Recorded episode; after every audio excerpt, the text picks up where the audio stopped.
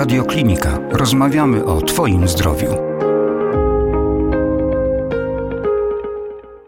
Przed mikrofonem Radiokliniki pan profesor Marcin Kurzyna, kierownik Katedry i Kliniki Krążenia Płucnego, chorób zakrzepowo-zatorowych i kardiologii CMKP Europejskiego Centrum Zdrowia w Otwocku. Kłaniam się panie profesorze.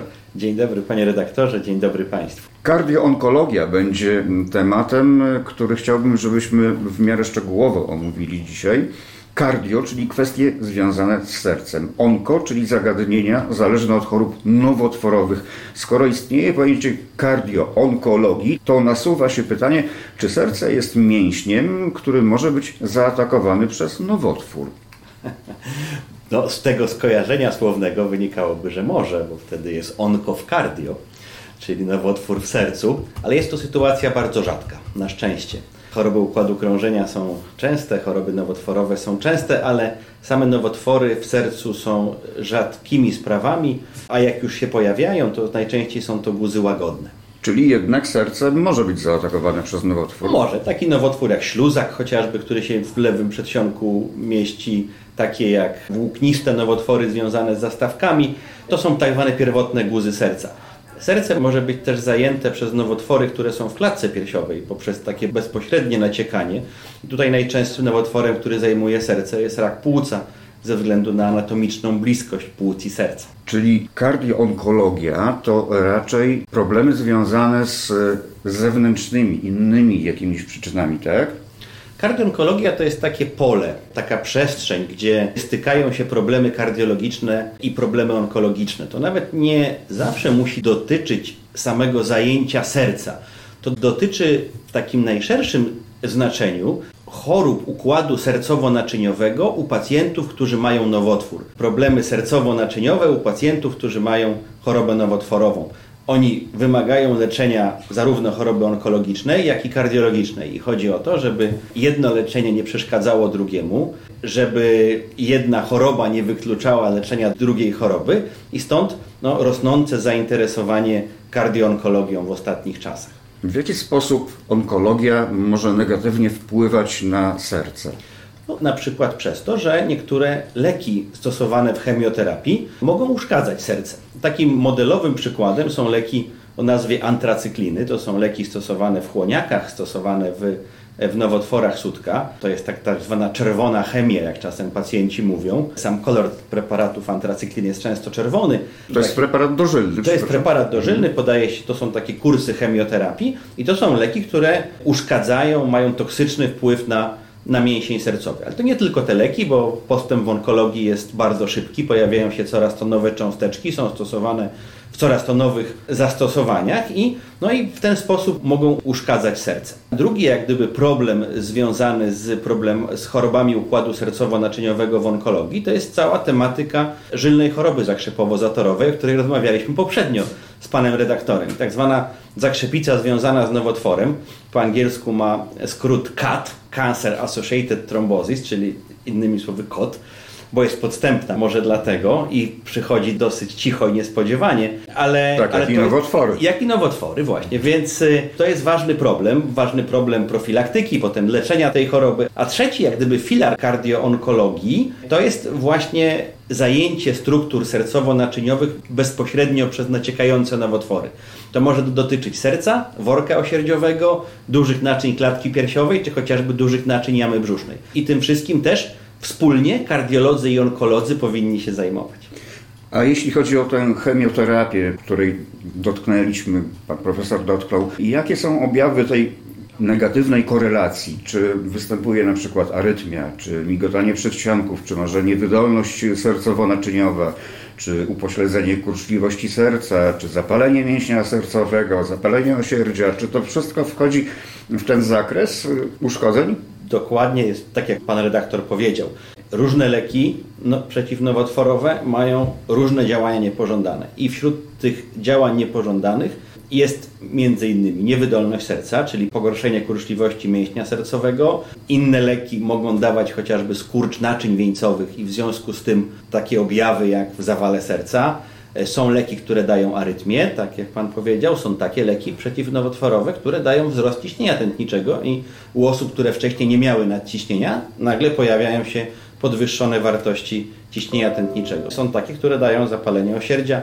No, to spektrum jak gdyby negatywnych działań leków przeciwnowotworowych na serce jest dosyć szerokie, ale powtórzę jeszcze raz, że całą ideą kardioonkologii nie jest wyszukiwanie działań niepożądanych terapii przeciwnowotworowej. Samą ideą kardioonkologii jest przeprowadzenie pacjenta onkologicznego w bezpieczny sposób przez terapię onkologiczną. Przez takie postępowanie, czy taki nadzór kardiologiczny, który nie będzie przeszkodą dla jego leczenia onkologicznego.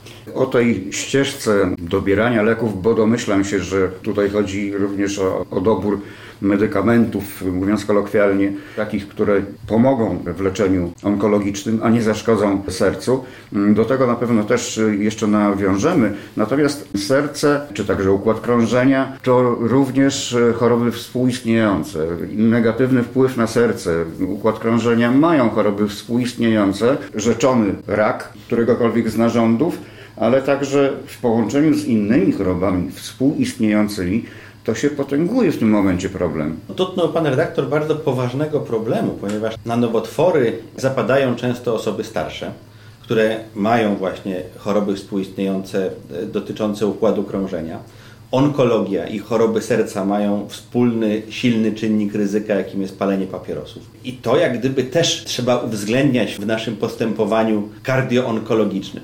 I to, co może warto podkreślić tutaj w, w tym miejscu, to jeśli pacjent, który ma postawione rozpoznanie nowotworu, a wcześniej chorował na choroby serca, tak jak nadciśnienie, choroba wieńcowa, zaburzenia lipidowe, cukrzycę, to właściwie pierwszym krokiem przed rozpoczęciem leczenia onkologicznego powinno być idealne powtarzam, idealne, jego zaopatrzenie kardiologiczne. Wszystkie leki, które powinien brać, powinny być zastosowane. Wszystkie zalecenia prozdrowotne dotyczące diety powinny być zastosowane, a czasem widzimy, że jest odwrotnie. Jak już widzimy, że no jak pacjent, który ma chorobę serca, ma jeszcze chorobę nowotworową, to mówimy, a no dobra, no już trudno, pewnie jego życie nie jest długie, więc już może nie bądźmy tacy skrupulatni z tym leczeniem nadciśnienia tętniczego czy, czy choroby wieńcowej. Nie. No, lekarze chyba tak nie podchodzą do istoty sprawy. Nie byłbym taki pewien. To spojrzenie, na które my chcemy zwrócić uwagę, zajmując się też kardioonkologią, to jest to, że przed tym pacjentem, który ma obciążony już układ krążenia, jest właściwie najważniejsza walka jego życia, więc my musimy przygotować go do tej walki najlepiej jak tylko można. A najlepiej jak tylko można, to właśnie polega to na tym, żeby jego leczenie kardiologiczne idealnie wyprostować. Co to znaczy idealnie wyprostować? No, to znaczy, że powinien brać te wszystkie leki, które powinien brać na niewydolność serca, na chorobę wieńcową, na hipercholesterolemię, na, no na, w zależności od konkretnej sytuacji, na co jest chory. A równolegle trzeba dobrać mu odpowiedni lek y, chemioterapeutyczny y, przy chorobie onkologicznej, tak? Tak, no to jest przykład terapii y, chemicznej, ale to może być też radioterapia, to może być też leczenie operacyjne tego no pacjenta czy... też, też trzeba przygotować do operacji. To są często rozległe zabiegi dotyczące jamy brzusznej czy klatki piersiowej i też powinien być do tej operacji kardiologicznie przygotowany w sposób optymalny. A no właśnie, czy radioterapia, o której pan profesor wspomniał, też może powodować pewnego rodzaju niedoczynność pracy serca? Tak, yy, zwłaszcza jeśli dotyczy serca, bo tutaj też takim modelowym przykładem są nowotwory układu chłonnego, czyli E, na przykład ziarnica złośliwa, gdzie powiększone węzły chłonne są zlokalizowane wśród piersiu. Wśród piersie to jest ta przestrzeń między dwoma płucami, której między innymi tu na środku klatki piersiowej, między innymi tu, gdzie jest serce.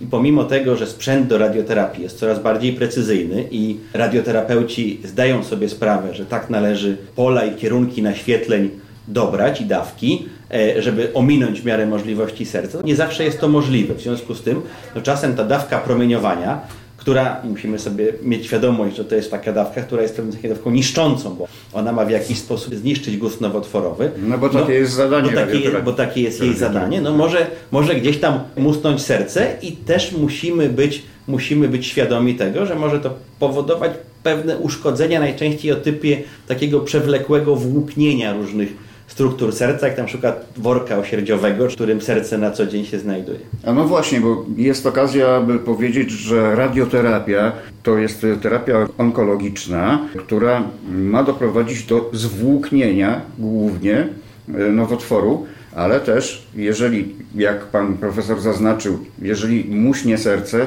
to może dochodzić do pewnych epizodów y, zwłóknienia serca i to jest ta szkodliwość. I tutaj tak no, troszkę obrazowo staram się też podejść do tego tematu. Czy radioterapia, tudzież chemioterapia zahacza o poziom neuronów?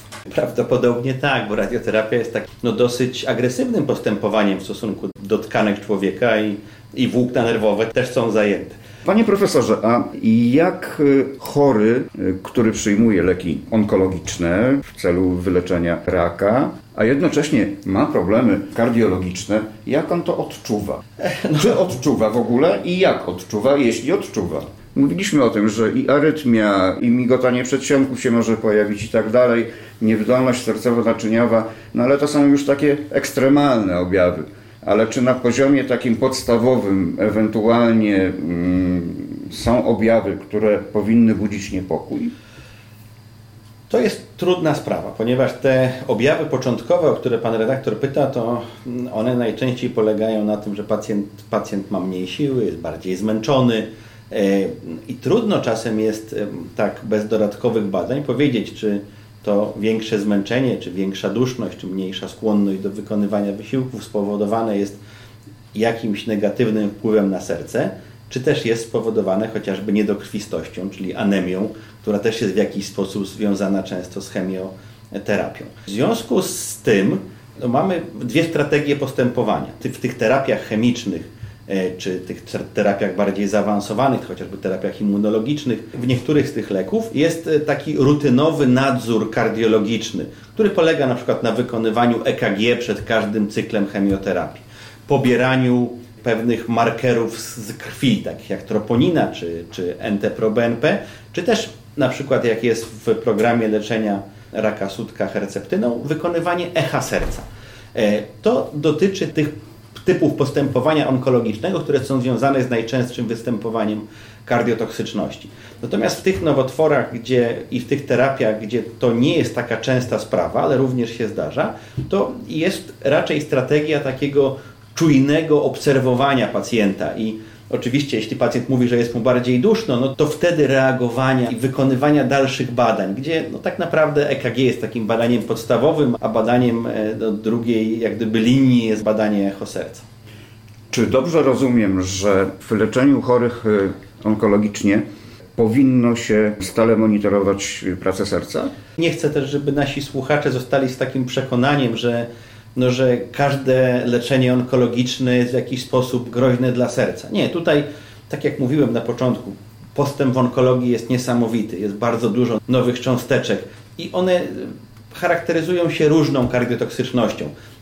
U tych, w tych nowych może jeszcze do końca nie wiemy, ale już po kilku latach stosowania i, i, i przy milionach zastosowań na całym świecie, w świecie, no, gdzie informacja przepływa bardzo szybko, no, takie, ta, takie informacje się zdarzają, więc y, to by było nadużycie, jakbyśmy powiedzieli, że każdy pacjent onkologiczny powinien być pod opieką kardiologa, to, to byłoby też niewykonalne praktycznie. To Takie demonizowanie w tym momencie y, całości sprawy, tak? Tak, no tu oczywiście sytuacja jest bardzo poważna, no bo choroba onkologiczna jest poważna. Jeśli to trafia jeszcze na osobę, która ma chory układ krążenia, no to to jest jeszcze bardziej sprawa poważna. Natomiast no no nie można tego demonizować. Trzeba brać byka za rogi i z nim walczyć, a lekarze, zarówno onkolodzy, jak i kardiolodzy są po to, żeby pacjentowi pomóc. Tak jest, ale to w ślad za tymi przypadłościami, bo o przypadłościach rozmawiamy, mogą pójść dolegliwości zakrzepowo-zatorowe, których notabene rozmawialiśmy, jak pan profesor wspomniał w innym naszym wywiadzie, mogą prowadzić do niedokrwiennego udaru mózgu, mogą prowadzić do zawału mięśnia sercowego, nawet do zgonu czasami. Ja też nie chcę demonizować, natomiast nazywajmy rzeczy po imieniu, żeby pacjent miał świadomość tego, że takie rzeczy się zdarzają. Takie rzeczy się niestety zdarzają, ale postęp w onkologii jest y, niesamowity. Ja nie jestem onkologiem, jestem kardiologiem. Obserwuję to troszkę z perspektywy widza. Mogę powiedzieć i, i wlać troszkę takiego optymizmu w serca tych, którzy na nowotwór e, chorują. Możliwości leczenia chemicznego dzisiaj, a jeszcze 15 czy 20 lat temu to jest niebo a ziemia. W ten sposób pan profesor zrównoważył naszą rozmowę.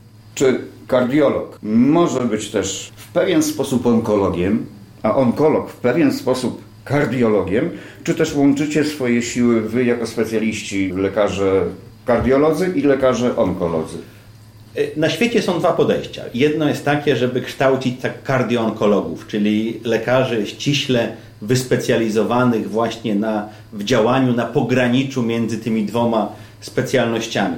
Mi osobiście bliższa jest druga strategia, jako takiego wielodyscyplinarnego zespołu, gdzie kardiolog spotyka się z onkologiem, obaj mają jakąś wiedzę na temat tej drugiej specjalności, która pozwala im mówić jednym językiem, ale na koniec to onkolog podejmuje decyzję o leczeniu przeciwnowotworowym, a kardiolog podejmuje decyzję dotyczącą postępowania kardiologicznego. Takie właśnie postępowanie próbujemy implementować w grupie pacjentów leczonych w klinice onkologii Europejskiego Centrum Zdrowia w Otwocku. Padnie teraz pytanie, na które być może nie znajdziemy odpowiedzi nigdzie na świecie, ale może jakaś opinia pana profesora korzyści, a ryzyko w stosowaniu terapii kardio-onkologicznej. Trudno powiedzieć, czy jest w ogóle coś takiego jak terapia kardioonkologiczna, bo tu znowu jak gdyby wracamy do tego postrzegania kardioonkologii, czy jako osobnej nauki, czy jako pewnej przestrzeni, gdzie spotyka się kardiologia z, z, onkologią. Są pewne próby podawania leków kardiologicznych w tych najbardziej kardiotoksycznych chemioterapiach, jako pewnej takiej prewencji uszkodzenia mięśnia sercowego. I to by była taka terapia kardioonkologiczna. No i to oczywiście należy to popierać, wspierać i dalej badać.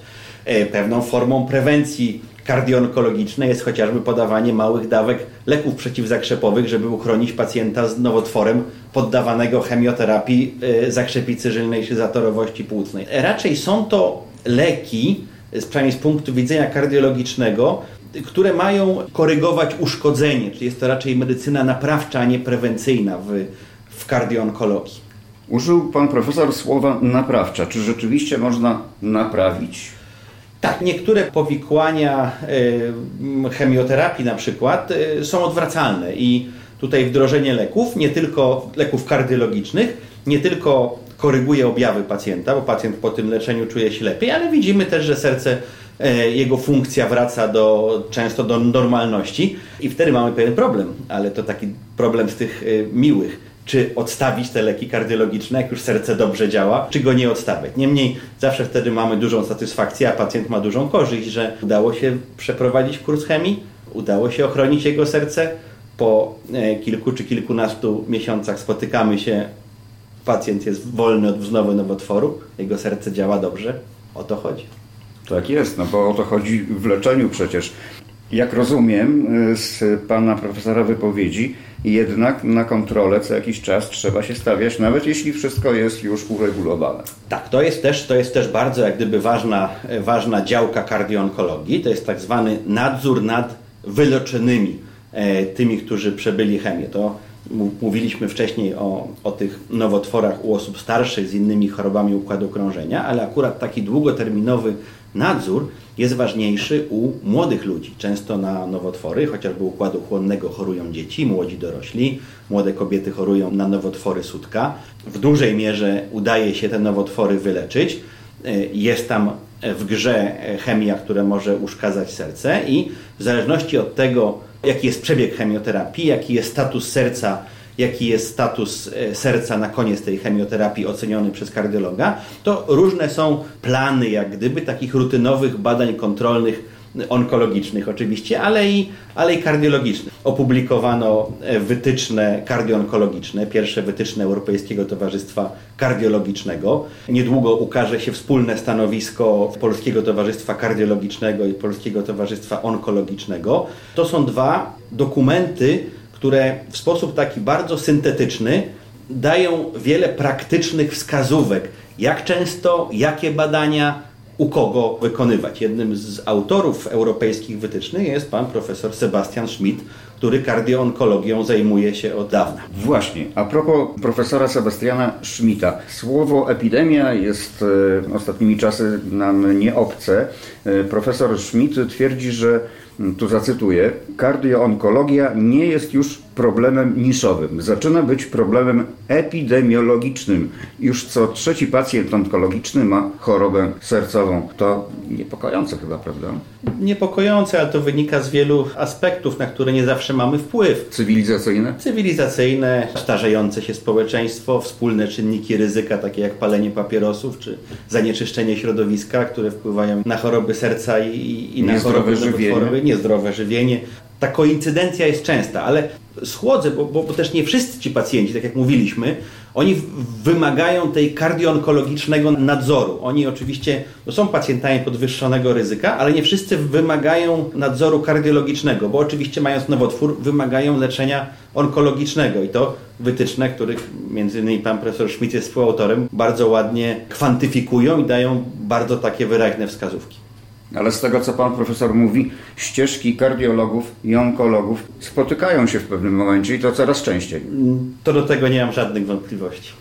A jak pan profesor widzi przyszłość tej współpracy onkologów i kardiologów, co ma przełożenie oczywiście na zdrowie pacjentów? Ja myślę, że ta działka będzie się bardzo rozwijać, chociażby z tego powodu, o którym mówiliśmy, rozmawialiśmy przed chwilą, że, że ta koincydencja jest częsta, rosnąca i liczba terapii przeciwnowotworowych i ich skuteczność może sprzyjać oczywiście temu, że będą występowały częściej powikłania ze strony układu sercowo-naczyniowego, ale będzie też sprzyjało temu, że ci pacjenci będą dłużej żyli, więc y, na pewno ta działka będzie się rozwijać.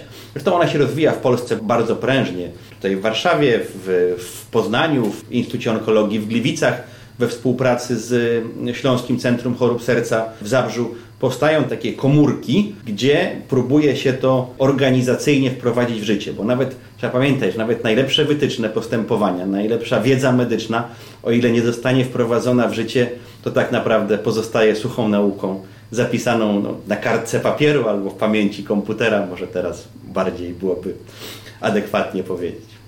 O kardioonkologii rozmawiałem z panem profesorem Marcinem Kurzyną, kierownikiem Katedry i Kliniki Krążenia Płucnego, Chorób Zakrzepowo-Zatorowych i Kardiologii CMKP Europejskiego Centrum Zdrowia w Otwocku. Panie profesorze, pięknie dziękuję za tę rozmowę i za tę dużą porcję wiedzy. To ja bardzo dziękuję i tych wszystkich, którzy mają to nieszczęście zachorować na chorobę onkologiczną i mieć problem z układem krążenia, zapraszam do Europejskiego Centrum Zdrowia w Otwocku. Tutaj opieka kardioonkologiczna jest naprawdę na europejskim, żeby nie powiedzieć światowym poziomie. Więcej audycji na stronie radioklinika.pl i w naszej aplikacji mobilnej.